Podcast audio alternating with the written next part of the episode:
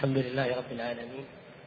وصلى الله وسلم وبارك على عبده ورسوله محمد وعلى آله وصحبه عندي وبعد فكنا في الأسبوع الماضي قد قد استعرضنا موضوع الكتب السابقة وما وقع فيها من تحريف. وهذا فتح لنا بابا كبيرا يتعلق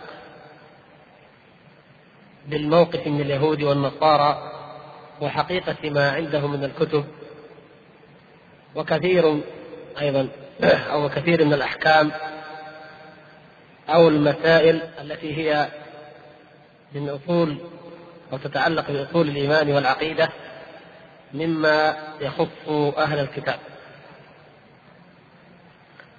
وكنت قد رأيت أن آتيكم بنفس الكتاب الذي يسمونه الكتاب المقدس عندهم. قلت لو أتيت به إلى الإخوان وقرأنا منه بعض مواضع ليسمعوا بأنفسهم حقيقة هذه الكتب وما فيها من تحريف. ثم رأيت أنني أفعل خيرا من ذلك وأنفع إن شاء الله وهو فقط إشارة وتنبيه إلى ما بعده وهو أن نأتي بالشهادات التي في كتبهم مما يشهد بنبوة محمد صلى الله عليه وسلم وصدق رسالته وهو يدل على ما في كتبهم من تحريف وعلى أن عقائدهم باطلة وأن دينهم غير مقبول. دلالاته كثيرة جدا أن من آمن برسالة محمد صلى الله عليه وسلم فهو بلا ريب قد كفر بكل ما يخالفها مما في هذه الكتب وهو كثير جدا. فالمحك والمعيار ومفرق الطريق هو الإيمان بنبوة محمد صلى الله عليه وسلم. وهذا أمر مهم ما شهد به علماؤهم وما أقروا به وما تشهد به كتبهم مما لم يحرف من إثبات نبوة محمد صلى الله عليه وسلم. هذا شيء عظيم. ولا يقول أحد لما لما نأتي به أو ما حاجتنا إليه. فنقول ليست الحاجة إليه لنؤمن نحن بمحمد صلى الله عليه وسلم. فنحن والحمد لله في غنى عن ذلك. إن كان ذلك أيضا يقوي الإيمان. ولكن حاجتنا إليه من جهة أنهم هم يؤمنون بهذه النصوص وهي موجودة في كتبهم إلى اليوم.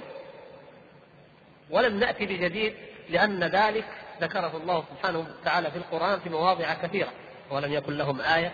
أن يعلمه علماء بني إسرائيل وشهد شاهد من بني إسرائيل على مثله. وما ذكره الله سبحانه وتعالى من أوصاف الذين اهتدوا من النصارى عندما يرون صدق هذا النبي ومطابقة ما يقول وما يدعو إليه لما عندهم في التوراة ترى أعينهم تفيض من الدمع مما عرفوا من الحق كما ذكر تعالى بحق النجاشي ومن كان مثله وكما ذكر سبحانه وتعالى أنهم يخرون للأذقان يبكون ويزيدهم خشوعا وغير ذلك فهو دليل قرآني حجة قرآنية وواردة في كتاب الله سبحانه وتعالى وما يأتي هنا يبين ذلك ويؤكده كما سوف نعرض إن شاء الله من الآيات.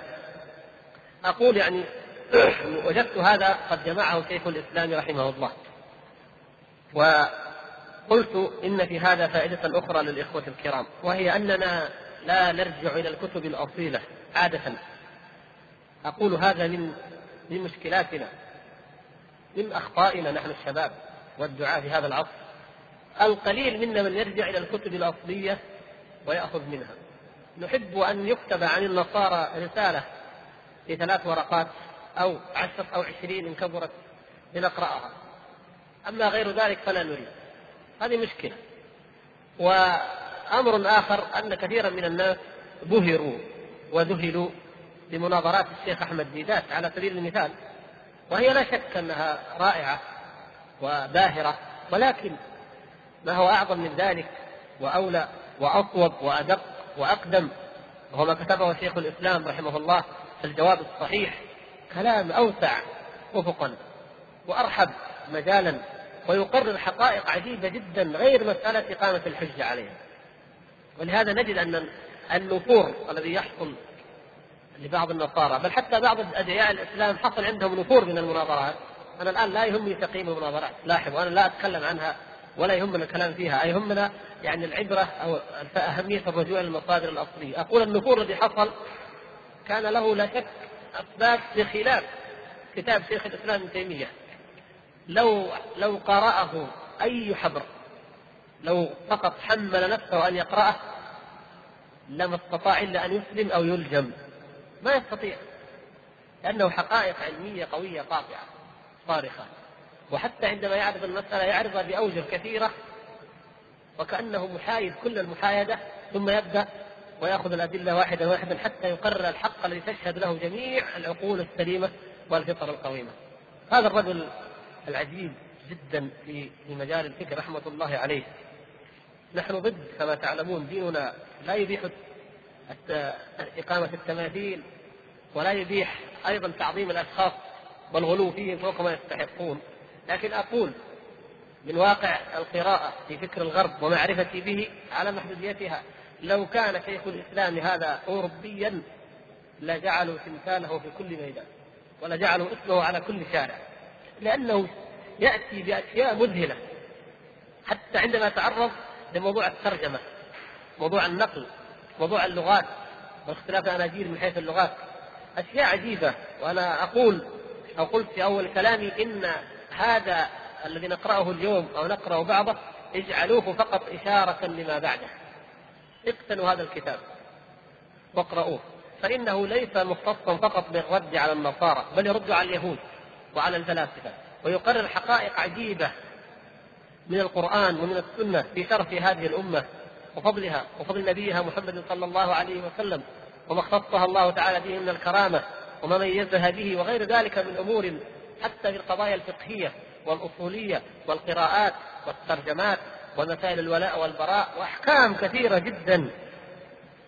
لا أستطيع أن آتي فقط يعني حتى, حتى على عناوينها فضلا عن أن آتي بها. أقول اقرأوا هذا الكتاب وليته يخرج يعني في على على جودة هذه الطبعة في الحقيقة لكن ليته يخرج محققا معلقا عليه لغموض بعض عباراته وألفاظه.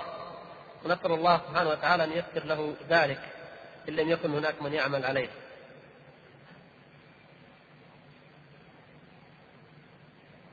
عن رسالة تحقيقه وإلا عن حوله.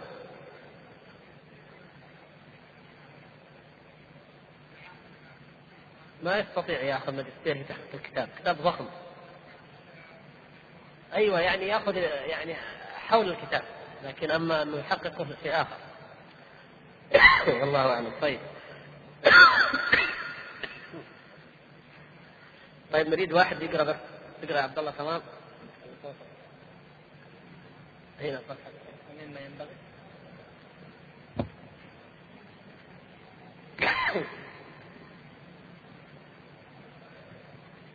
صفحة 300 من الجزء الثالث.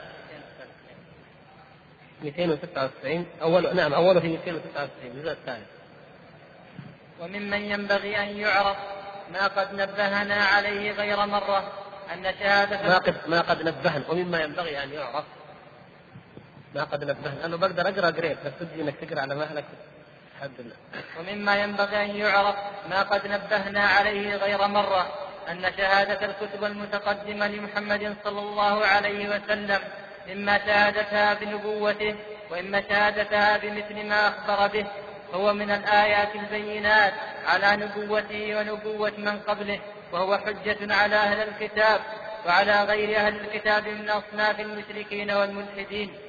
كما قد ذكر الله هذا النوع من الآيات في غير موضع من كتابه كما في قوله تعالى أولم يكن لهم آية أن يعلمه علماء بنو إسرائيل؟ وقوله فإن كنت, فإن كنت في شك مما أنزلنا إليك فاسأل, فاسأل الذين يقرؤون الكتاب من قبلك. وقوله قل كفى بالله شهيدا بيني وبينكم ومن عنده علم الكتاب. وقوله والذين آتيناهم الكتاب يعلمون أنه منزل من ربك بالحق. وقوله الذين آتيناهم الكتاب يعرفونه كما يعرفون أبناءهم. يعرفونه. يعرفونه وضح يعرفونه. الذين آتيناهم الكتاب يعرفونه كما يعرفون أبناءهم. وقوله وإذا سمعوا ما أنزل إلى الرسول ترى أعينهم تفيض من الدم مما عرفوا من الحق. يقولون ربنا آمنا فاكتبنا مع الشاهدين. وما لنا لا نؤمن بالله وما جاءنا من الحق ونطمع أن يدخلنا ربنا مع القوم الصالحين وقوله إن الذين أوتوا العلم من قبله إذا يتلى عليهم يخرون للأذقان سجدا ويقولون سبحان ربنا ربنا إن كان وعد ربنا. سبحان ربنا إن كان وعد ربنا لمفعولا ويخرون للأذقان يبكون ويزيدهم خشوعا وذلك مثل قوله في التوراة ما قد ترجم بالعربية جاء الله من طور سيناء. هذا هذه العبارة الأولى. هذه هي العبارة الأولى. ولاحظوا دقته رحمه الله أنه حتى يأتي بها من عدة ترجمات حسب النسخ. هذه العبارة موجودة في التوراة إلى اليوم. كان ودي أن أكون جبتها حتى نطلع الصفحة ونقارن برضه. طبعة اللي عندي طبعة طبعة بيروت عام 1977 لكن كل الطبعات الحديثة تقريبا سواء. أيوة. جاء الله جاء الله من طور سيناء جاء الله من طور سيناء أيوة. وبعضهم يقول في الترجمة تجلى الله من طور سيناء وأشرق من سعاير واستعلن من جبال فاران. جاء الله من طور سيناء البعض بعض التراجم بعض الترجمات تقول تجلى الله من طور سيناء والثانية واستعلن لا وأشرق. من ساعير وأشرق من ساعير واستعلن من فاران أو من جبال فاران. إذا ثلاثة. عندنا ثلاثة.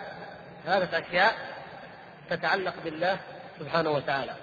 أنه تجلى أو جاء من الطور. والمسألة الثانية وهي أنه أشرق من ساعي والثالثة أنه استعلن يعني ظهر وأعلن على ما في القراءة الأخرى أيضا عندهم والترجمة الأخرى من ماذا؟ من جبال فاران هذا نص عبارة التوراة وهذا النص إلى اليوم موجود يقرأه اليهود ويقرأه النصارى جميعا بجميع طوائفهم وفرقهم. أيوه. قال كثير من العلماء واللفظ لمحمد بن قتيبة ليس ليس بهذا خفاء على من تدبر ولا غموض. لأن مجيء الله من طور سيناء إنزال التوراة على موسى من طور سيناء كالذي كالذي هو عند أهل الكتاب وعندنا وكذلك يجب أن يكون إشراقه من ساعير إنزاله الإنجيل على المسيح وكان المسيح من ساعير. أرض الخليل بقرية تدعى ناصرة وباسمها سمي من أتباعهم النصارى وكما وجب أن يكون إشراقه من ساعير بالمسيح فكذلك يجب أن يكون استعلانه من جبال فاران إنزاله القرآن على محمد صلى الله عليه وسلم وجبال فاران هي جبال مكة.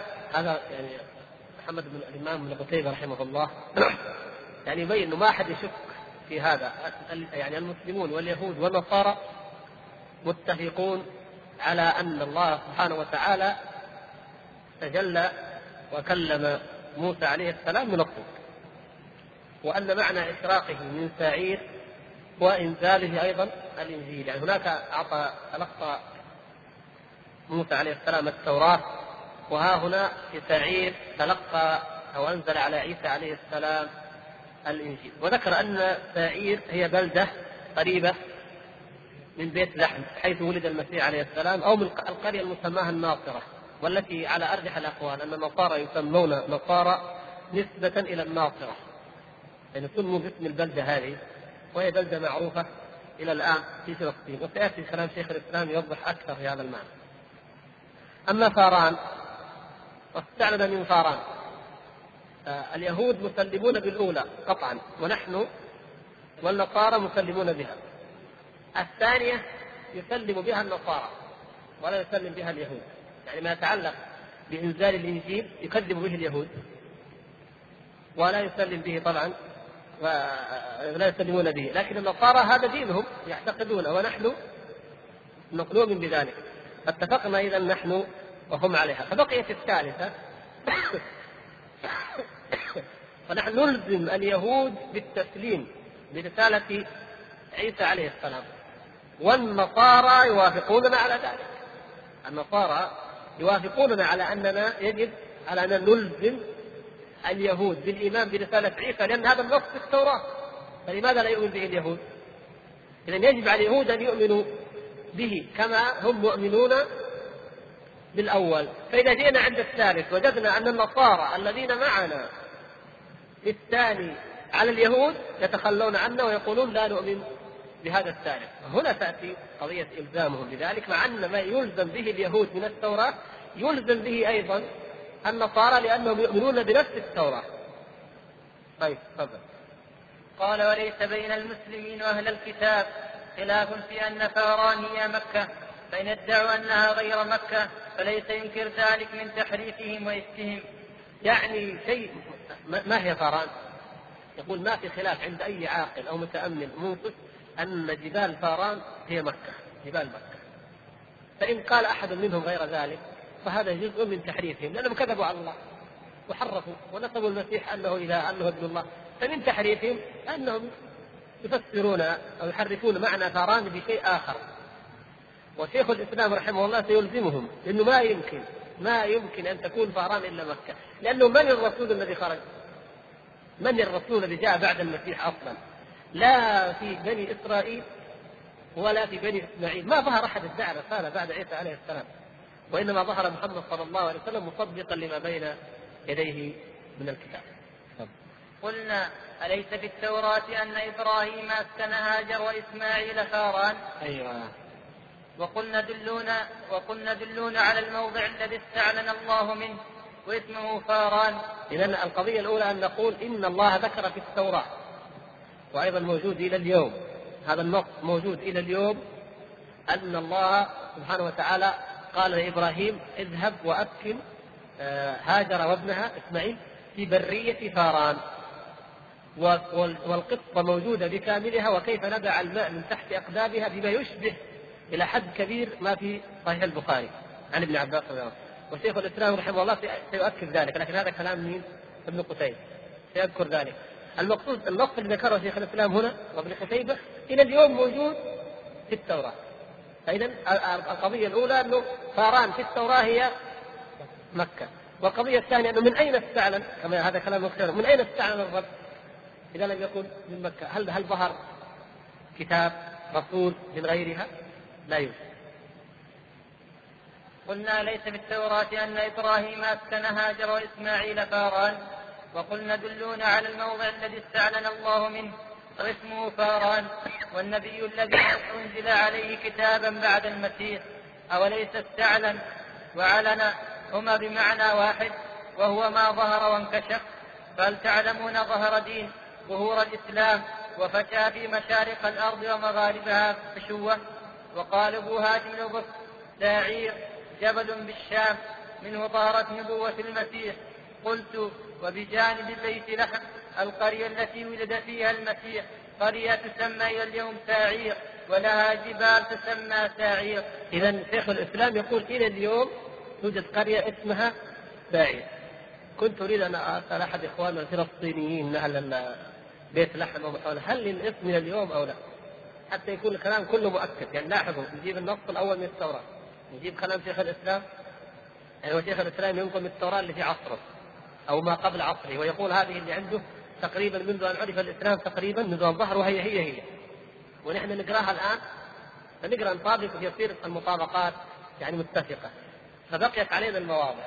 ما أدري إن كان أحد من الاخوان يعني يعيننا على هذا، هذا شيء يعني إن شاء الله للفائدة، هل ما تزال القرية إلى اليوم بهذا الاسم أم لا؟ يعني يمكن نسأل من نعرف من الإخوة الثقات من أهل الضفة أو بيت لحم بالذات وما حولها. قلت وبجانب بيت لحم القرية التي ولد فيها المسيح قرية تسمى إلى اليوم ساعير ولها جبال تسمى ساعير. وفي التوراة أن نسل العير كانوا سكانا بساعير وأمر الله موسى أن لا يؤذيهم. وعلى هذا فيكون ذكر الجبال الثلاثة حقا جبل حراء الذي ليس حول مكة جبل أعلى منه ومنه كان نزول أول الوحي على النبي صلى الله عليه وسلم. وحوله من الجبال جبال كثيرة حتى قد قيل إن بمكة اثنا عشر ألف جبل وذلك المكان يسمى فاران. إلى هذا اليوم وفيه كان ابتداء نزول القرآن. والبرية التي بين مكة وطور سيناء تسمى برية فاران. ولا يمكن أحد أن يدعي أنه بعد المسيح نزل كتاب في شيء من تلك الأرض. ولا بعث نبي. يعني فاران يقول إلى الآن يسمى فاران جبال مكة وبالذات جبل حراء.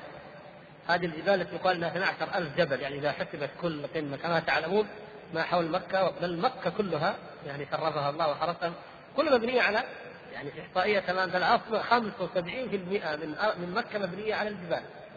فهي من أكثر بلاد العالم يعني صعوبة في التضاريس أو مدن العالم يعني. فهي كذا فالجبال كثيرة جدا. فأراد إما اسم المنطقة كلها أو اسم الجبل يعني الجبال كلها أو جبل حراء طيب. شيء آخر أنه البرية الصحراء الممتدة ما بين الطور إلى مكة هذه تسمى برية قاران يعني هذه المسافة. يقال لها برية قاران فإذا سواء قلنا أن فاران هو الجبل أو قلنا إن فاران هي البرية هذه الصحراء لا يعلم ولا يستطيع أحد أن يدعي أن نبيا أرسل فيها أو أن كتابا أنزل فيها إلا أن يكون ذلك النبي هو محمد صلى الله عليه وسلم وأن يكون الكتاب هو القرآن الكريم. وليس المراد باستعلانه من جبال فاران إلا إرسال محمد صلى الله عليه وسلم وهو سبحانه ذكر هذا بالتوراة على الترتيب الزماني. فذكر إنزال التوراة ثم الإنجيل ثم القرآن وهذه الكتب نور الله وهداه. إذا أول شيء الترتيب. يعني لاحظ إيش؟ الترتيب واضح فيه ترتيب تاريخي. أول ما أوحى الله تعالى إلى موسى ثم إلى عيسى ثم إلى محمد صلى الله عليه وسلم. والأماكن هي الأماكن. إذا هذا شيء مقصود وواضح ومحدد. ثم نأتي إلى قضية أخرى وهذه من يعني لفتات شيخ الإسلام رحمه الله الذكية في مسألة يعني الظهور أو التجلي ثم الإشراق ثم الاستعلان. وهنا أقول لك هنا معنى هنا لها معنى ولها مغزى. من جهة أن هذه الكتب من جهة أن الوحي هو نور الله. كذلك أوحينا إليك نورا نور هذا نور نور وكتاب مبين. هذا النور الكتب كلها نور. إن أنزلنا التوراة حتى هي قالت فيها هدى ونور. وكل كل الكتب السماوية نور والوحي هو النور. فعندما يكون النور يبتدي أولا من مكان ثم يشرق من مكان ثم يستعلن من مكان أيضا هذا يتناسب مع الواقع وفيه شهادة عظمى لهذه الأمة. يعني رحمه الله يلفت تفضل. وقال في الأول جاء أو ظهر وفي الثاني أشرق وفي الثالث استعلن وكان مجيء التوراة مثل طلوع الفجر أو ما هو أظهر من ذلك ونزول الإنجيل مثل إشراق الشمس ازداد به النور والهدى. وأما نزول القرآن فهو بمنزله ظهور الشمس في السماء ولهذا قال واستعلن من جبال فاران فإن النبي صلى الله عليه وسلم ظهر به نور الله. وهداه في مشرق الأرض في مشرق الأرض ومغربها أعظم مما ظهر بالكتابين المتقدمين كما يظهر نور الشمس إذا استعلنت في مشارق الأرض ومغاربها. ولهذا سماه الله سراجا منيرا وسمى الشمس سراجا وهاجا. أيوه لا معلش من هذه فقرة عجيبة. عفوا أول شيء الآية وكذلك وحينا إليك روحا. أنا اليوم وقت شوي. المهم ف يقول شيخ الإسلام معنى كلامه هذا واضح إن شاء الله. انظروا كيف كيف هذا التناسب. ظهر أول ما يظهر هذا النور نور الوحي أول ما يظهر مع ظهور أو مع بدو الفجر. ثم يشرق والإشراق هو ما يكون بعد الفجر وهو أوضح وأجلى. لكن واستعلن فكأنه وصل إلى مرحلة الزوال أو الظهيرة فيكون النور قد عم كل الأرض. يكون قد عم كل ما حوله من الأرض. إذا هذه المراحل الثلاث. أول تتناسب مع الحقيقة التاريخية وهي أن أول ما أوحى الله إلى موسى ثم عيسى ثم محمد صلى الله عليه وسلم. والأمر الآخر أن يعني موسى عليه السلام كان البداية كان بداية النور. ثم جاء عيسى عليه السلام فكان الإنجيل إشراقا لأنه أضاف إلى التوراة زيادة وهو الإنجيل هو مكمل وليس مبطلا لها بل مكمل لها. فضم نور أو زاد نور التوراة بماذا؟ بنور الإنجيل. كما أن الشمس أول ما تبدو أول ما تظهر في الفجر أو عندما تكاد أن تشرق إذا أشرقت فإن نورها يزداد.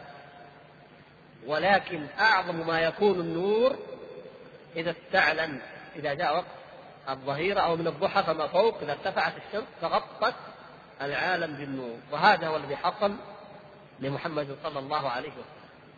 وبعدين يأتي بمناسبة النور النور الفرق بين النور وبين الشمس. يعني الله سبحانه وتعالى وصف النبي محمد صلى الله عليه وسلم بأنه سراجا منيرا. ووصف الشمس بقوله سراجا وهاجا إيش الفرق بين هذين؟ شوفوا كيف يعني ينقلكم من معنى إلى معنى وكلها عظيم وكلها خير. تفضل.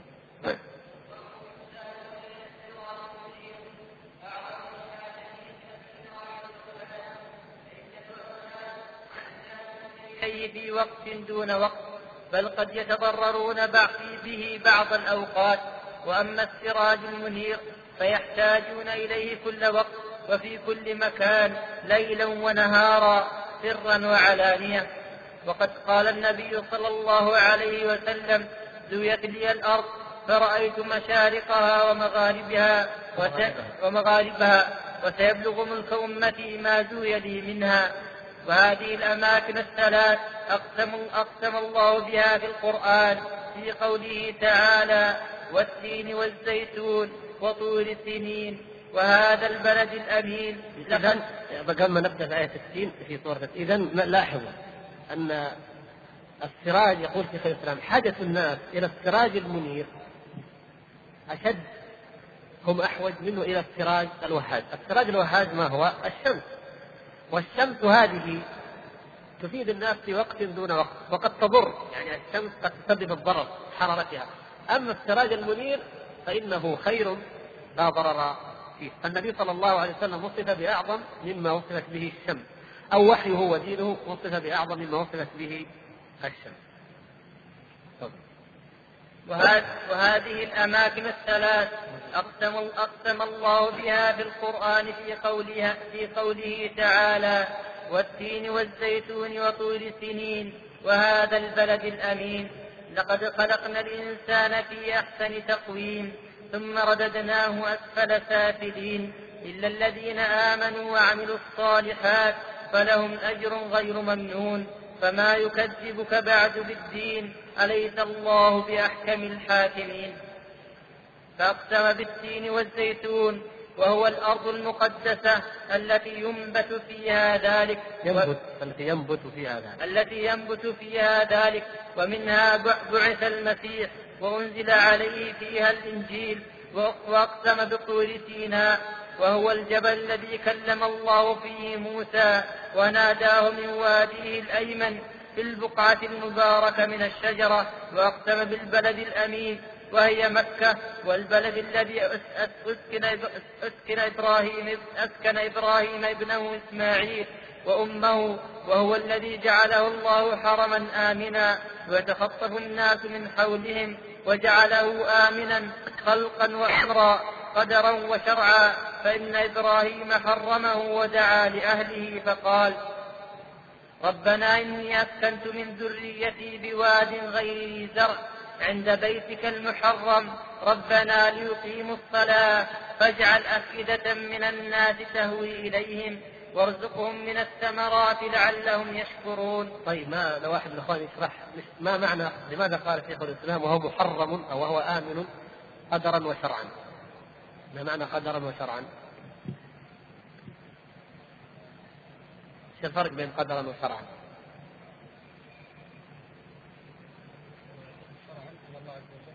أيوه شرعا واضح شرعا والله يعني؟ شرع تحريما يعني لم يحل لأحد إنما أحل للنبي صلى الله عليه وسلم ساعة من النهار كما بين ذلك. طيب وقدرا كيف جعله آمنا قدرا؟ ها؟ كيف؟ قدرا إيش معنى قدرا؟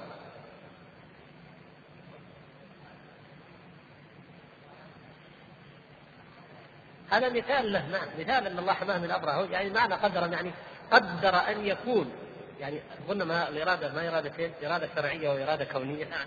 قدر كونا أن يكون هذا البيت محرما معظما.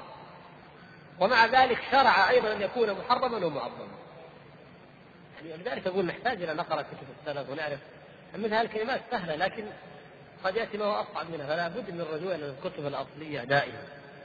فنستفيد مثلها هذه عبارة تكرر يقال قدرا وشرعا. يعني قدر الله أنه يبقى محرما. يعني فلا يستطيع أحد أن يغير قدر الله. ما قدره الله فهو واقع. وهذا الواقع أنه حتى في الجاهلية هو بيت محرم معظم أليس كذلك؟ وشرعا شرع ذلك. ولم يبحه لأحد قط. وإنما أبيح للنبي صلى الله عليه وسلم ساعة من نهار لكي يظهر الله تعالى دينه. ويفتح البلد المحرم لرسوله صلى الله عليه وسلم ويقضى على الأصنام والشرك والجاهليه. ثم بعد أن نرجع الفكرة الأساسية وهي انه الله تعالى لما أقسم والتين والزيتون وطور السين فأقسم الله سبحانه وتعالى بهذه ثم قال وهذا البلد الامين هذا أيضا يوافق تقريبا نص التوراة لكن في فرق لو تأملتوا في فرق. من أي ناحية؟ تقديم المسيح على آه ما هو تقديم المسيح. قدم التين والزيتون على طور سنين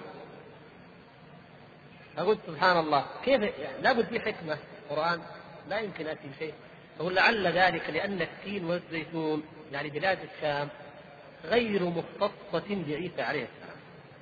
لأن إبراهيم عليه السلام ولوط عليه السلام وغيرهم من الرسل كانوا في في الأصل. في تلك البلاد. نعم. فهناك جمع كبير. وإن كان عيسى عليه السلام هو آخرهم وهو الذي يعني أشرق منه الوحي كما في كما سبق أن أوضحنا. فهذه الأماكن الثلاثة أقسم الله سبحانه وتعالى بها. أما الطور فهو معلوم أنه خاص إذا قيل الطور أو ما أنزل الله فهو خاص لموسى عليه السلام.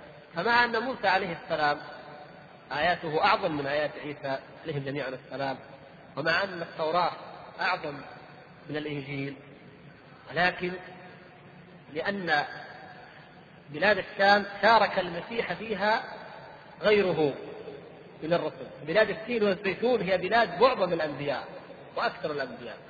فهنا الوحي جاء. فقدمت والله أعلم هذه قدمت لأفضليتها لا باعتبار المسيح لأن ما نص التوراة ينص على على اعتبار الكتب الثلاثة. أما في القرآن فإن المسألة الله أعلم ترجع إلى ماذا؟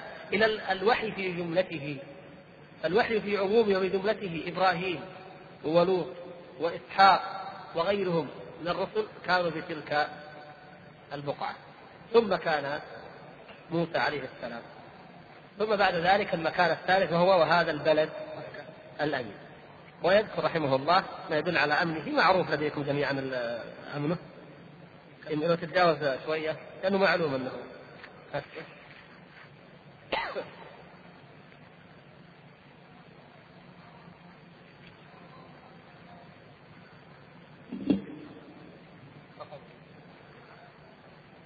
كقوله تعالى قوله كقوله تعالى والتين والزيتون وطول سنين وهذا البلد الأمين. إقسام منه بالأمكنة الشريفة المعظمة الثلاثة التي ظهر فيها نوره وهداه وأنزل فيها كتبه الثلاثة التوراة والإنجيل والقرآن. كما ذكر الثلاثة في التوراة بقوله جاء الله من طور سيناء وأشرق من ساعير واستعلن من جبل فاران من جبال فاران. ولما كان ما في التوراة خبرا عنها أخبر بها على ترتيبها الزماني فقدم الأسبق فالأسبق. وأما القرآن فإنه أقسم بها تعظيما لشأنها وذلك تعظيم لقدرته سبحانه وآياته وكتبه ورسله. فأقسم بها على وجه التدريج درجة بعد درجة فختمها بأعلى الدرجات فأقسم أولا بالتين والزيتون ثم بطور سيناء ثم بمكة لأن أشرف الكتب الثلاث القرآن ثم التوراة ثم الإنجيل وكذلك الأنبياء. فأقسم, فأقسم بها على وجه التدريج كما في قوله والذاريات ذروا فالحاملات وقرا فالجاريات هذا المقصود نفس كلام شيخ الإسلام ويرى أنه إيش؟ تقديم التين والزيتون بالنظر إلى أنه أقسم بها فرتبها من الأدنى إلى الأعلى. يعني هكذا. وأنا قلت يعني الملحظ الذي لاحظته والله أعلم على أي حال بس حبيت أنبه أنه إن شاء الله واضح لديكم أنه. طيب انتقل شوية إلى وما ذكر وما ذكر ابن قتيبة وغيره من علماء المسلمين. وغيره. وغيره من علماء المسلمين من تربية إسماعيل في برية فاران. في برية. البرية هي صحراء البر. أما البرية من هي؟ البرية؟ الخلق. أولئك هم خير البرية أولئك هم شر البرية يعني خير الخلق وشرهم. أما البرية فهي الصحراء. وما ذكر ابن قتيبة وغيره من علماء المسلمين من تربية إسماعيل في برية في برية فاران. في برية فاران. في برية برية. في برية فاران. شوف إذا ما إذا تعبت لا تقرأ في بري في بر فاران. اقرا البر معروف إيه. خلاص. في برية فاران. فهكذا هو في التوراة. قال فيها وغدا إبراهيم فأخذ الغلام وأخذ خبزا وسقى من ماء ودفعه إلى هاجر وحمله عليها وقال لها اذهبي فانطلقت هاجر فظل فظلت في برية سبع في برية سبع نعم. ونفذ, ونفذ الماء الذي كان معها فطرحت الغلام تحت شجرة وجلست في مقابلته على مقدار رمية سهم لاحظوا هذا النص موجود في التوراة إلى اليوم لاحظوا كيف يعني هذا التشابه إذا لم يحرك؟ كيف لما نفذ الماء وطرحت الغلام وما وجدت شيء ماذا فعل؟ لئلا تبصر الغلام حين يموت ورفعت صوتها بالبكاء. لئلا تبصر الغلام حين يموت. ما تبغى تشوفه لما يموت من عطش يعني ساعدت حتى لا تراه. ورفعت صوتها بالبكاء وسمع الله صوت الغلام فدعا ملك الله هاجر فدعا ملك الله هاجر. وقال لها وقال لها مالك يا هاجر لا تخشي فإن الله قد سمع صوت الغلام. لا تخشي فإن الله قد سمع صوت الغلام. لا تخشي فإن الله قد سمع صوت الغلام حيثه فقومي فاحملي الغلام وشد يديك به فإني جاعله لأمة عظيمة. أيوة لاحظ. فإني جاعله لأمة عظيمة. يعني هي تخاف يموت الولد أي يأست نحن الآن نشرح ما في التوراة طبعا. بعدين يأتي النص الصحيح قطعا وهو ما في حديث الصحيح لكن على كلامه آه، خافت يموت ابتعدت وأخذت تصرخ ما تريد أن ترى حين يموت من العطش فجاء ملك الرب وقال لا تخافي ولا تخفي. خافي يموت لا. ان إن الله تعالى سيجعله أمة عظيمة. في بعض النسخ عظيمة أمة عظيمة جدا جدا. ما يموت هذا الغلام سيكبر طبعا لما يكون من ذريته أمة معناه لن يموت الآن بل سيكبر ويتزوج ويكون له نسل ونسله سيكون أمة عظيمة. جدا جدا. أيوه. وفتح الله عيناها فبصرت بئر ماء فسقط الغلام لاحظوا الفرق طبعا في فرق بينهم. وفتح الله عيناها فأبصرت بئر ماء طبعا هذا غير ما نعلمه نحن. سيأتي إن شاء الله. أيوه. وفتح الله عينها فبصرت. عينها نعم. فتح الله عينها وفتحت عينها. أيوه. وفتح الله عينها فبصرت بئر ماء فسقط الغلام وملأت سقاءها وكان الله مع الغلام فربى وسكن في برية فاران. في برية فاران. وكان الله مع الغلام فربي وسكن في برية فاران الغلام جاء هذا مين؟ قطعا ما في نقاش إنه هذا الغلام هو اسماعيل لا عند اليهود ولا النصارى ولا هذا لا يحتمل ابدا أن يكون غير إسماعيل. وهذا لذلك نحن نلزمهم بهذه الأشياء القطعية اللي أي نصراني في الدنيا مسلم بها وأي يهود. إذا هذا الغلام إسماعيل. تربى وعاش في برية فاران. أيوه. فهذا خبر الله خبر الله بالتوراة أن إسماعيل ربى وسكن في برية فاران بعد أن كاد يموت من العطش وأن الله سقاه من بئر ماء وقد علم بالتواتر واتفاق الأمم أن إسماعيل إنما ربى بمكة وهو وأبوه إبراهيم بنيا البيت فعلم أن الأرض في مكة من فاران إذا هذا دليل على أن فاران هي أين؟ هي مكة لأنه قطعا عند جميع الأمم معروف يعني بالتواتر لا يحتاج إلى أن يسأل عن مصدره. متواتر أن إسماعيل وإبراهيم عليهما السلام إن بنيا هذا البيت وأنه بني في مكة والبيت موجود في مكة يعلم ذلك كل العالم. وأن إسماعيل قد شارك في بنائه. فإذا كان قد ربى أو ربي وسكن وعاش وتزوج في برية فاران فقطعا تكون فاران هي مكة حيث نشأ هذا الغلام وحيث العين موجودة إلى اليوم. أيوه فيها فيها؟ طيب ممكن برضه عشان الوقت أيوه. وهذه البشارة التي في التوراة لهاجر بإسماعيل وقول الله إني جاعله لأمة عظيمة ومعظمة جدا جدا. وإن هاجر فتحت عيناها فرأت بئر ماء فدنت منها وملأت المزادة وشربت وسقت الصبي. شربت. وشربت وسقت الصبي. وكان الله معها ومع الصبي حتى تربى وكان مسكنه في برية فاران. مسكنه. وكان مسكنه في برية وكان مسكنه اسم كان عبد الله مرفوع وكان مسكنه في برية فاران.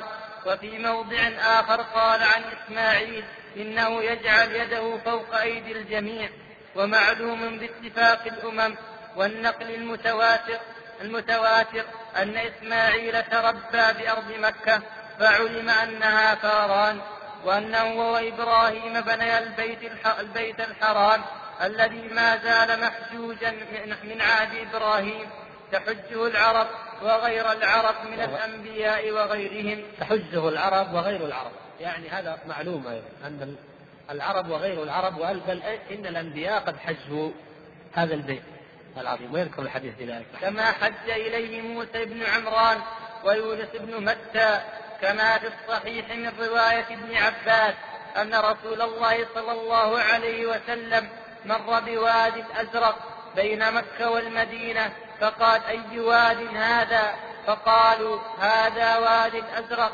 فقال كأني أنظر إلى موسى صلى الله عليه وسلم هابطا من الثنية واضعا إصبعيه في أذنيه له جوار جوار إلى الله عز وجل في التلبية مارا بهذا الوادي.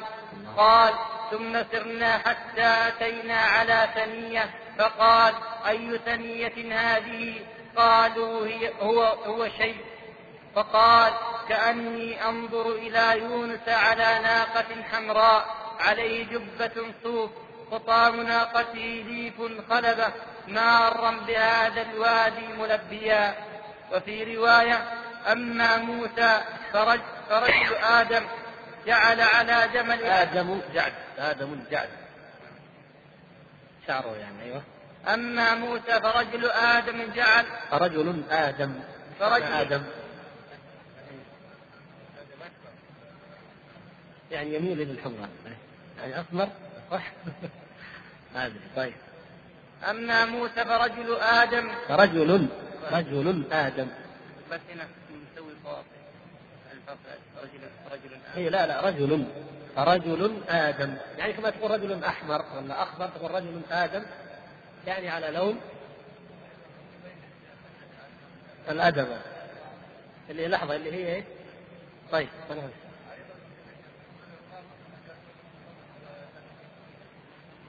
لا ما أتكلم في المكري نعم بس نقصد إنه فرجل آدم يعني وصف لرجل. أما موسى فرجل آدم. كما لو حطينا محلها إيش؟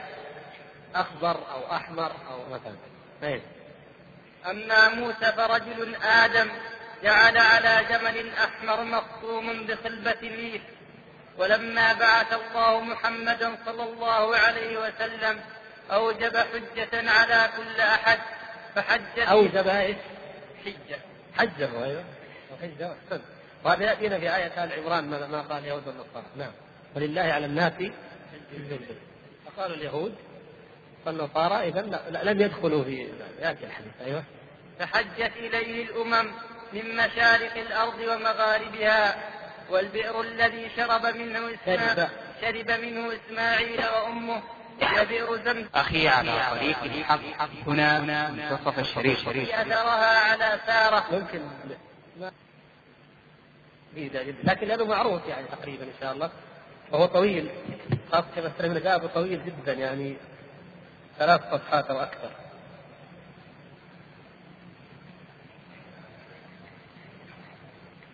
والله تعالى قال في إسماعيل.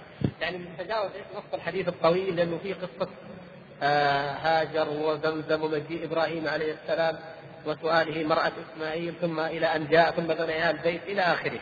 وكيف يعني خلاصته أن إسماعيل عليه السلام تزوج من جرهم من العرب وتربى معهم واتقن لغتهم ماتت أمه وهو تعلم لغة هؤلاء وتزوج منهم وساكنهم فأصبح عربي اللسان أو نقول أن العربية الحقيقية هي ما انفتق بها لسان إسماعيل عليه السلام وهي يعني أفصح يعني هذبها.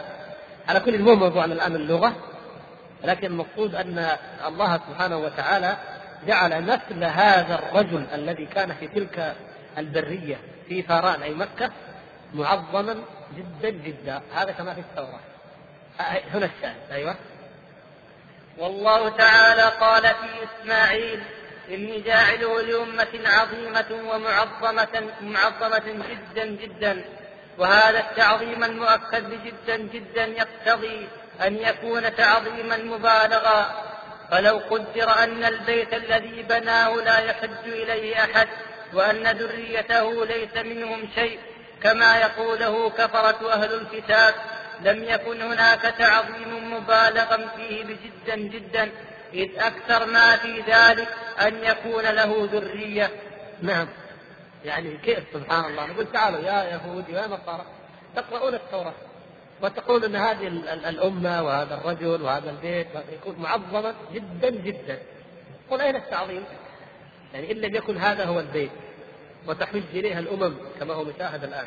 فإذا أنكرتم إذا أنكرتم أن هذا الحج يعني لو قلتم كما يقولون الآن إن هذا الحج باطل.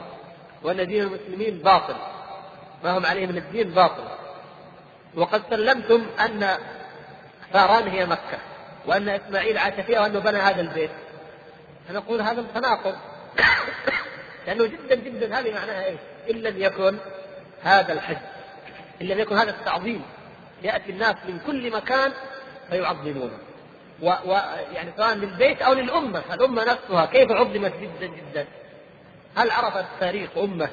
يعني ملأت الآفاق أكثر من ذرية إسماعيل عليه السلام. يعني من العرب انتشرت حتى ملأت الآفاق بسبب هذا الدين. من فاران من مكة انطلقت ثم تصل إلى قريب من باريس غربا وتصل شرقا إلى آخر أو أطراف الصين.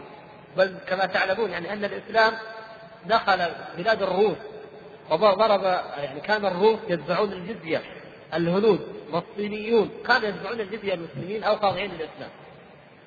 ومنطقة الشرق كلها كانت مسلمة. يعني من وراء ما بلاد ما وراء النهر.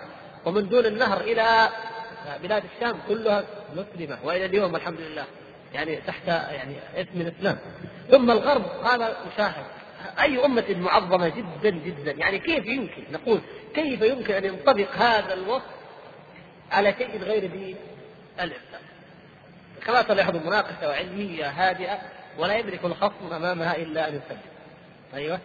ومجرد كون الرجل له نسل وعقب لا يعظم به إلا إذا كان في الذرية مؤمنون مطيعون لله. أيوة. اليهود يقولوا لا يعني يجعل أمته عظيمة جدا جدا. يعني كثيرة. يقول طيب تعالوا. الله سبحانه وتعالى لما يعظم أو أجعلك أمة معظمة. يعني لما يعظم أمة من الأمم ويثني عليها يعني. هل هل يعني ذلك مجرد العدد؟ أن لما لما يذكر الله سبحانه وتعالى أمة أو فردا ويعظمه فلا يمكن أن يكون أو يفهم إلا أنه مؤمن. فلو كان مجرد أنها الكثرة يعني يقول اليهود والنصارى نعم هذه أمة عظيمة يعني كثيرة كثيرة العدد. طيب كثيرة العدد وعلى كفر وعلى ضلال يعظمها الله وهذه كرامة ويأتي الملك ويبشر هاجر لأنه ابنك سيكون له أبناء كثيرون فقط يعني لو كان مجرد مجرد هذا. فكثير من من زعماء الكفر والضلال كما في أول التوراة أنهم ولد ولد لهم عدد كبير يعني يأجوج وماجوج كم كم نسبتهم؟ لما يقال يوم القيامة لآدم عليه السلام أخرج بعث النار من ذريتك. كم يخرج؟ من كل ألف تسعمائة وتسعة وتسعين. نسأل الله السلامة والعافية. فإذا الكثرة ليس لها اعتبار وإنما يمدحون ويعظمون لكون هذه الكثرة على إيمان كون فيهم المؤمنون الأتقياء الصالحون. نعم. وكذلك قوله أجعله لأمة عظيمة إن كانت تلك الأمة كافرة لم تكن عظيمة بل كان يكون أبا لأمة كافرة فعلم أن هذه الأمة العظيمة كانوا مؤمنين وهؤلاء يحجون البيت فعلم أن حج البيت مما يحبه الله ويأمر به. وليس في أهل الكتاب إلا المسلمون فعلم أنه الذين فعلوا ما يحبه الله ويرضاه. ليس في أهل الكتاب يعني ليس في من أنزل الله تعالى عليهم الكتاب من يحجه إلا المسلمون. والله أعلم يبدو لي كان في العبارة هذه خلل. قال ليس في أهل الكتاب إلا المسلمون. ما ما لكن المقصود واضح. الله واضح العبارة. ليس في أهل الكتاب أو في أهل الكتب يعني المنزلة من يحج البيت ويعظمه إلا من؟ معلوم الحمد لله لا اليهود ولا النصارى يحجون البيت هذا ويعظمونه. بخلاف مثلا ما نجده في في البيت المقدس فإن اليهود يدعونه والنصارى أيضا يأتون إليه. لكن هذا البيت المعظم جدا جدا أو الأمة المعظمة جدا جدا والذي بناه إسماعيل هذا لا يحجه إلا المسلم فإذا هم الأمة المعظمة جدا. يعني نغير الدين نخليها لا خلى زي ما هي حتى تصير وليس من أهل الكتاب إلا المسلمون. أي تبقى حتى إن شاء الله إذا وجدنا مخطوط. وأنهم وسلفهم الذين كانوا يحجون البيت أمة أثنى الله عليها وشرفها وأن إسماعيل عظمه الله جدا جدا بما جعل في ذريته من الإيمان والنبوة. وهذا هو كما امتن الله على نوح وإبراهيم بقوله ولقد أرسلنا نوحا وإبراهيم وجعلنا في ذريتهما النبوة والكتاب وقال في الخليل وجعلنا في ذريته النبوة والكتاب ولما قال في نوح وجعلنا ذريته هم الباقين كان في ذريته أهل الإيمان كلهم فعلم بذلك أن إسماعيل وذريته معظمون عند الله ممدوحون وأن إسماعيل معظم جدا جدا كما عظم الله نوحا وإبراهيم وإن كان إبراهيم أفضل من إسماعيل. نعم يعني المقصود لما أثنى الله على الذرية أو يثني الله على الذرية أو يذكر الذرية فإن المقصود هو كونها مؤمنة وليس مجرد أنها ذرية. عندما يمتن الله تعالى على نوح وإبراهيم يقول وجعلنا في ذريتهما النبوة والكتاب. ففي في تلك الذرية إذا فضلت بذلك ليس مجرد ذرية بل قال لما قال وجعلنا ذريته هم الباقين. ليس مجرد أن الناس يعني يكونون من أبنائه بل أي أن كل مؤمن يأتي من بعده فهو من ذريته. وإن كان أيضا غير مؤمنين هم كذلك. يعني الله تعالى أهلك الكافرين جميعا. ثم زيادة على ذلك أن ذرية نوح عليه السلام هم الباقين ففي ذلك إشارة أو فضل له بأن المؤمنين من بعده كلهم من ذريته. وليس مجرد أن من جاء بعده من الأمم هم من ذريته وإن كان الأمر كذلك. لأنه كما تعلم يعني البشرية لها أبوان. الأب الأول آدم عليه السلام وهذا معروف. والأب الثاني هو نوح عليه السلام. كما فهم بعض علماء السلف من هذه الآية. فأن فإن من جاء بعده عليه السلام هو من ذريته. نعم. وكذلك آه، يقول فشرف الله سبحانه وتعالى أو عظم الله تعالى إسماعيل بالذرية كما عظم نوحا وإبراهيم. ولا شك أن تعظيم إبراهيم عليه السلام بالذرية والكتاب أن من ذريته ومن أولى من يدخل في ذلك ابنه إسماعيل قطعا ومن الذي جاء من ذرية إسماعيل؟ هذه الأمة المعظمة وهذا الرسول صلوات الله وسلامه عليه. فإذا إسماعيل معظم جدا جدا وإن كان إبراهيم بلا ريب. أفضل. نعم.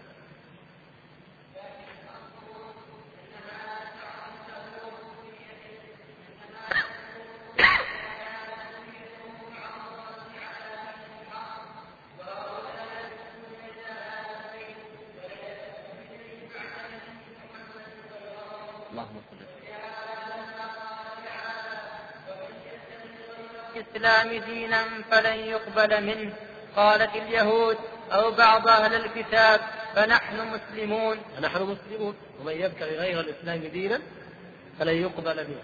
وهو في الآخرة من الخاسرين. قالوا فنحن مسلمون إذا يقبل الله. أن هذه الآيات سورة آل عمران كما تعلمون نزلت في مناظرة وفد نجران وما أثير من الجدل. فتأتي الآيات في هذه السورة كلها تبين وترد على كل ما يدعيه أهل الكتاب. فلما قالوا نحن مسلمون كما نشر ذلك الأفساك في الوطن ومرة ثانية كررها في جريدة أخرى ومرة ثالثة في مجلة في إحدى دول الخليج يقول ما في داعي نحن نتعصب؟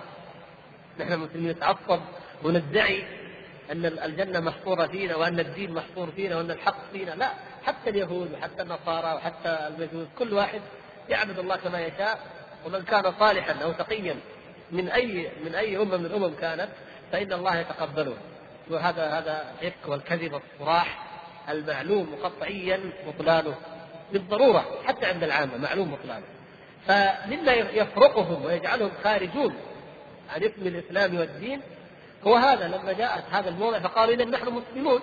يعني دعوة يدعونها. فقال بعدها قال الله تعالى ولله على الناس حج البيت من استطاع إليه سبيلا. فقالوا لا نحج. فقالوا لا نحج. آه اذا هنا افرق الطريق. فقالوا لا نحج. فقال ومن كفر فإن الله غني عن العالمين. ومن فمن لم يحج من أنكر يعني الحج فإذا هو كافر. فإذا اليهود والنصارى ومن كان مشاركا له في هذا لا يعد مسلما. نعوذ بالله. وأيضا فهذا التعظيم المبالغ فيه الذي صار به ولد إسماعيل فوق الناس لم يظهر إلا بنبوة محمد.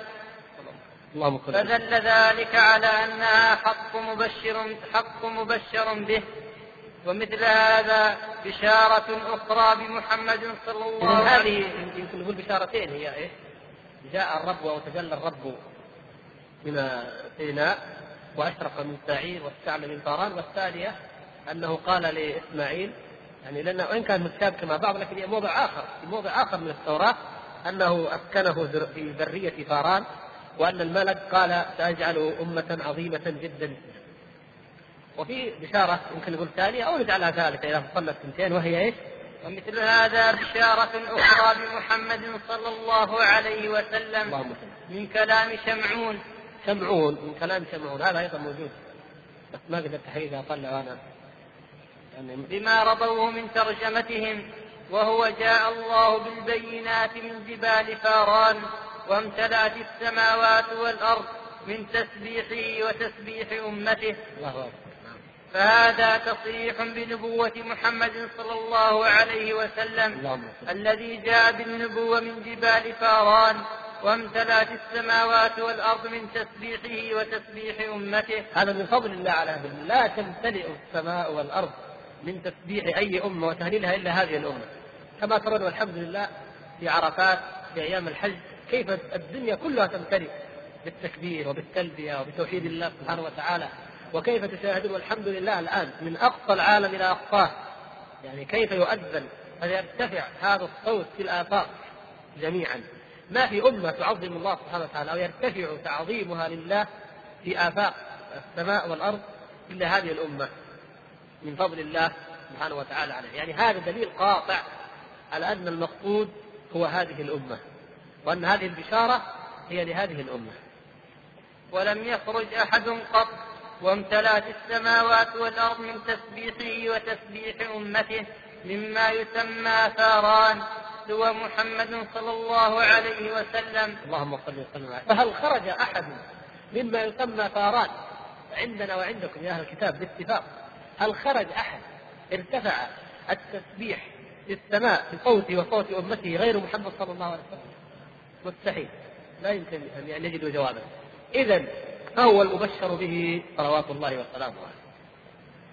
فإن المسيح لم يكن لأرض فاران البتة وموسى إنما كلم من الطور والطور ليس من أرض فاران وإن كانت البرية التي بين الطور وأرض الحجاز من فاران فلم ينزل, فلم ينزل الله فيها التوراة وبشارات التوراة. وإن كانت يعني وإن كانت البرية تسمى فاران فإن الله لم ينزل إلا القرآن. وبشارات التوراة قد تقدمت بجبل الطور وبشارة الإنجيل بجبل ساعير. ومثل هذا ما نقل عن ما نقل عن نبوة حقوق حبقوق أيضا. مما يذكر في التوراة من رسولهم أيوه. أنه قال جاء الله من التيمين وظهر القدس على جبل فاران وامتلأت الأرض من تحميد وظهر القدس على جبال فاران أيوه. وامتلأت الأرض من تحميد أحمد وملك بيمينه رقاب الأمم. وامتلأت الأرض من تحميد أحمد وملك بيمينه رقاب الأمم. هذا موجود. أيوه.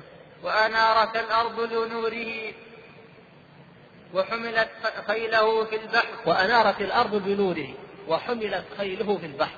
شوفوا سبحان الله. مسألة حملت خيله في البحر. المسيح عليه السلام معلوم قطعا أنه لم يجاهد وإنما رفعه الله إليه وتوفاه وهو ما يزال في دور أو في طور الدعوة.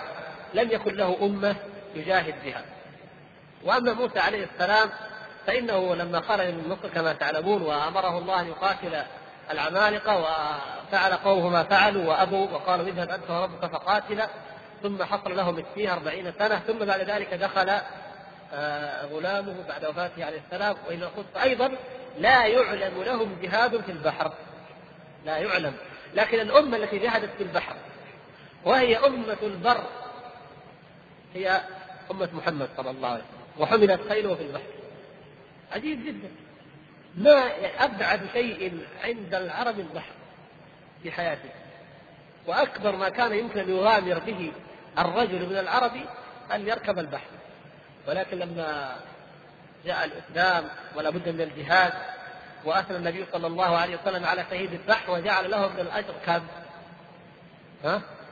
ضعف نعم ضعف شهيدا إذا المسلمون في سنوات معدودة استطاعوا أن يبلوا أكبر الأساطيل وتبحر من مصر إلى القسطنطينية وتبحر إلى الأندلس أما الأساطيل التجارية فحدث ولا حرج جابت العالم كله لكن المقصود هذه الخيل أو هذا القتال أو هذا الجهاد البحري.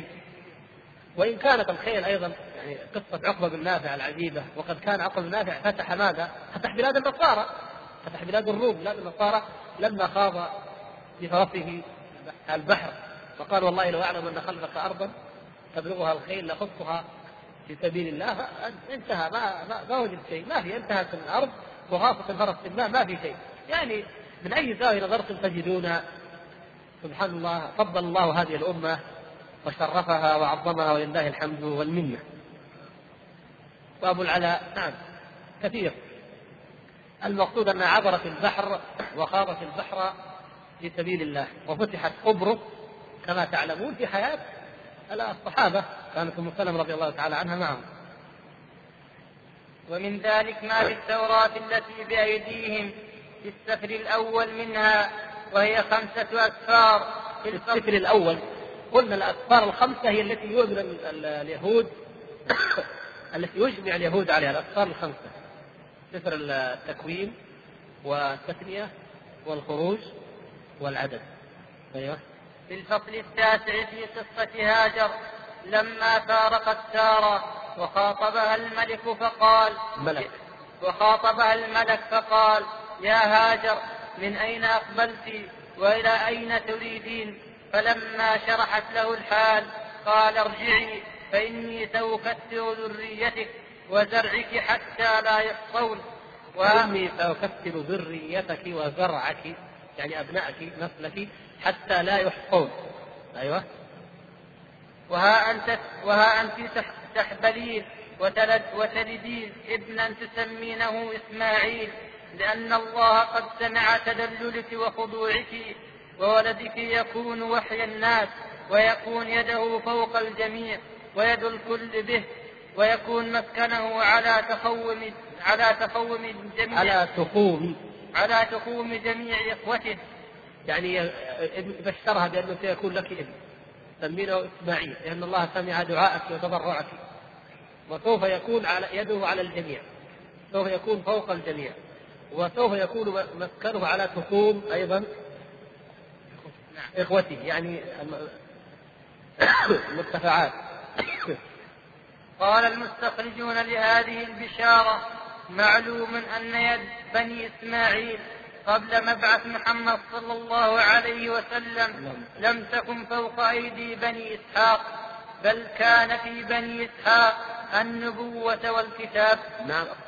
نعم. يعني قبل بعثة محمد صلى الله عليه وسلم من كان الأعلى الذي كان فوق الآخر؟ طبعا أصحاب الكتاب لديهم الكتاب ولديهم العلم فالكتاب والنبوة فيهم. أما العرب بنو إسماعيل قبل بعثة محمد صلى الله عليه وسلم فلا لا يكادون يذكرون بل فتت فيهم عبادة الأصنام. أي تعظيم لهم في هذه الحالة؟ يعني يريد أن يصل إلى إيش؟ إلى أن كل ما ورد في الثناء والمدح والأفضلية فإنما ينصب إلى محمد. صلى الله عليه وسلم نعم.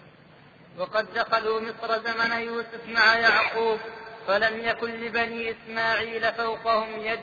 ثم خرجوا منها لما بعث موسى وكانوا مع موسى أعز أهل الأرض. لم يكن لأحد عليهم يد ثم مع يوشع. بعده إلى زمن داود وملك سليمان الذي لم يؤت أحد مثله. وسلط عليهم بعد ذلك بخت نصر. بخت نصر. يعني المقصود اليهود لما دخلوا إخوة يوسف يعني بنو إسحاق قبل أن يأتي اليهود. أول إسحاق لما دخلوا لما أحضرهم يوسف وجاءوا إليه من البدو كان الذي مستعلي هو من؟ يوسف عليه السلام. ثم بعد ذلك لما جاء موسى عليه السلام وخرج بهم. ثم بعد وفاته ومجيء يوشع وهزيمة العمالقة كانوا هم أيضا الأعلى. ثم داود ثم سليمان. هذا كله الاستعلاء هذا في بني إسحاق. أيضا الاستعلاء في بني إسماعيل لا شيء. كل هذه المراحل لا شيء. متى استعلوا؟ لما بعث محمد صلى الله عليه وسلم. فلم يكن لبني إسماعيل عليهم أمر. ثم بعث المسيح وقرب بيت المقدس الخراب الثاني. وخرب لما بعث المسيح بعد وفاته عليه السلام. أدم توفاه الله إليه ورفعه إليه. خرب بيت المقدس الخراب الثاني. الخراب الثاني لأنه خرب أول مرة على يد الفرس. ضغط نصر وأما المرة الثانية فهو على يد تيتوس القائد. الروماني. سنة 70 ميلادية حيث أفسدوا في الأرض مرتين ومن حينئذ زال ملكهم وقطعهم الله في الأرض أمما. وقطعهم ومن ذلك الحين يقول شيخ الإسلام هذه هي المرتين. هذه هي المرتين. المرة الأولى أرسل عليهم الصار المرة الثانية في أو الرومان. فبعد ذلك زال ملكهم وقطعهم الله تعالى من الأرض. ونحن الآن نعيش. أيوه وقطعناهم الأرض امما. نعم كما في. لكن الآن وجودهم هذا الثالث الله أعلم هذا شيء آخر. نقول بس نذكر به هل أن هذا هو الثاني أو أن هذا لا لا اعتبار له. يعني لا يعتبرون لا يمثلون حقا أنهم بنو إسحاق. الله أعلم شيء آخر. لكن هذا من علم الغيب وما كان لشيخ الإسلام ولا لغيره. ان يعلم الغيب. لكن النبي صلى الله عليه وسلم أخبر أن المسلمين يقاتلون اليهود في آخر الزمان. فنرجو أن يسلط الله سبحانه وتعالى المسلمون على هؤلاء اليهود. وقد يكون جولات أخرى قد هذه الدولة تنتهي بشكل ما ويأتي. الله تعالى وكانوا تحت حكم الروم والفرس والقبط ولم يكن للعرب عليهم حكم أكثر من غيرهم. فلم يكن لولد إسماعيل سلطان على أحد من الأمم.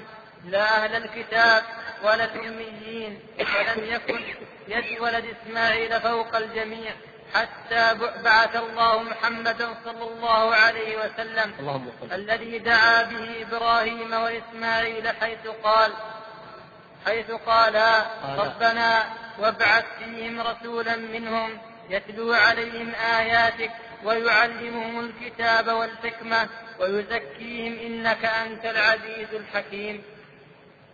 فلما بعث صارت يد ولد إسماعيل فوق الجميع فلم يكن في الأرض سلطان أعز من سلطانهم وقهروا فارس والروم وغيرهم من الأمم. وغيرهم الله وغيرهم من الأمم. وقهروا اليهود والنصارى والمجوس والمشركين والصابئين.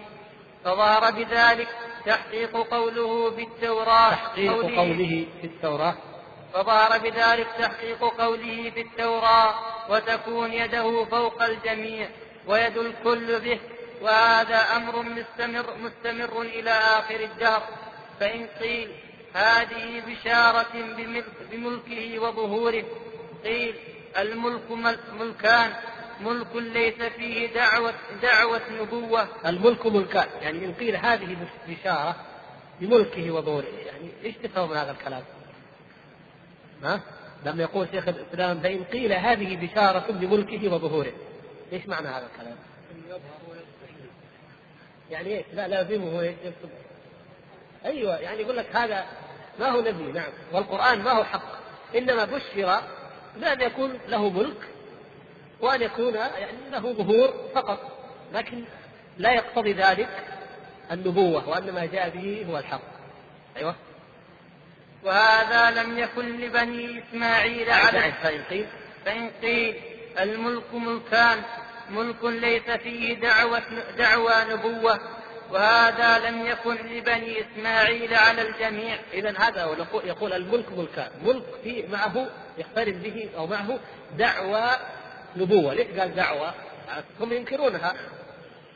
فنحن نقول دعوة يعني تنزل ولا الدعوة قد تكون حق وقد تكون باطل لكن هم يقولون دعوة. إذا نقول يعني ملك اقترن به دعوى نبوة وملك لم يقترن. فأما يعني معلوم أن أن ملك المسلمين ذرية إسماعيل قد اقترن بالنبوة بل إنما خرجوا وجاهدوا بماذا؟ لإعلاء كلمة الله وبهذا القرآن. نعم. وملك صدر عن دعوى نبوة فإن كان مدعي النبوة كاذبا فمن أظلم ممن افترى على الله كذبا أو قال أوحي إلي ولم يوحى إليه شيء وهذا من شر الناس وأكذبهم وأظلمهم أظلمهم وأفجرهم وأفجرهم. نعم. وملكه شر ملك ملك الظالم الذي لم يدعي نبوة كبخت نصر وسنجاريف يعني ملك ملك وتمكين من يدعي النبوة وهو كاذب شر. وأظلم وأفجر من الملك الذي لم يدعي النبوة مهما كان ظالما. يعني الرومان أو الفرس أو أي أمة من الأمم الظالمة المستبدة المدمرة أخف وأهون جرما على فجورها من لو أن ملكا ادعى النبوة وفعل هذه الأفاعيل وتسلط على الناس باسم النبوة وهو كاذب.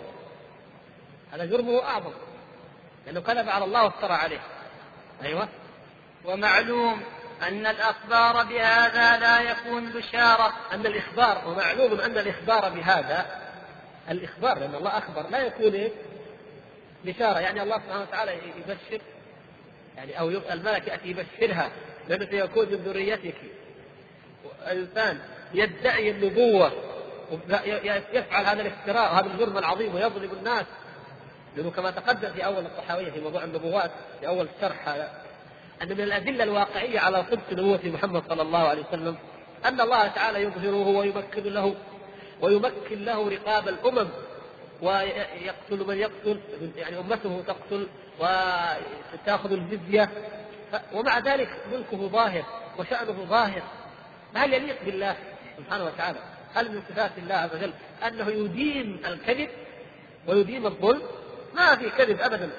يعني كما يقال الآن أنه قالوا أطول فترة مثلا دامت من حكم حكم ستالين ولا فرانكو ولا تيتو ولا يعني أطول وبعدين تحرق تماثيلهم وتنقل قبورهم ويلعنون ليل نهار. ما يمكن لا يمكن من حكمة الله. أما إنسان يعني بهذا الحالة فلا يمكن أن يكون إلا حقا. يعني الأدلة الحمد لله كثيرة لكن هذا كان شيء واقع. حكمة الله تتنافى أن يكون هذا كاذبا دجالا. بل تقتضي أن يكون صادقا مرسلا من عند الله. نبوءات وإخبارات وتتحقق تماما له اذا هو نبي حقا. ومعلوم أن الإخبار بهذا لا يكون بشارة ولا تفرح سارة وإبراهيم بهذا كما لو قيل. يكون جبارا طاغيا يقهر الناس على طاعته ويقتلهم ويسبي حريمهم ويأخذ أموالهم بالباطل. فإن الإخبار بهذا لا يكون بشارة ولا بشر المخبر بذلك ولا بشر المخبر بذلك أيوة لاحظتم كيف؟ يعني لو على قولهم بأن محمد صلى الله عليه وسلم وحاشاه من ذلك على قول اليهود والنصارى كاذب ومفتري وأمته أمة سفك دماء نقول سبحان الله أنتم كتابكم يبشر به فهل يعقل أن الله تعالى يبشر إبراهيم ويبشر هاجر بأنه سيكون من ذريتك بطاش سفاك سفاح يقتل العالم ويستبيحهم هذه بشارة هذه يفرح بها. لو قلنا أي واحد من ولدك هذا يطلع كذا كذا يفرح. وكيف تكون هذه بشارة؟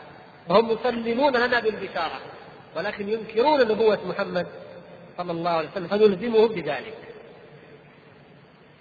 وإنما يكون بشارة تسره إذا كان ذلك يعدل وكان علوه محمودا لا إثم فيه وذلك ممن وذلك من مدعي النبوة لا يكون إلا وهو صادق لا كاذب.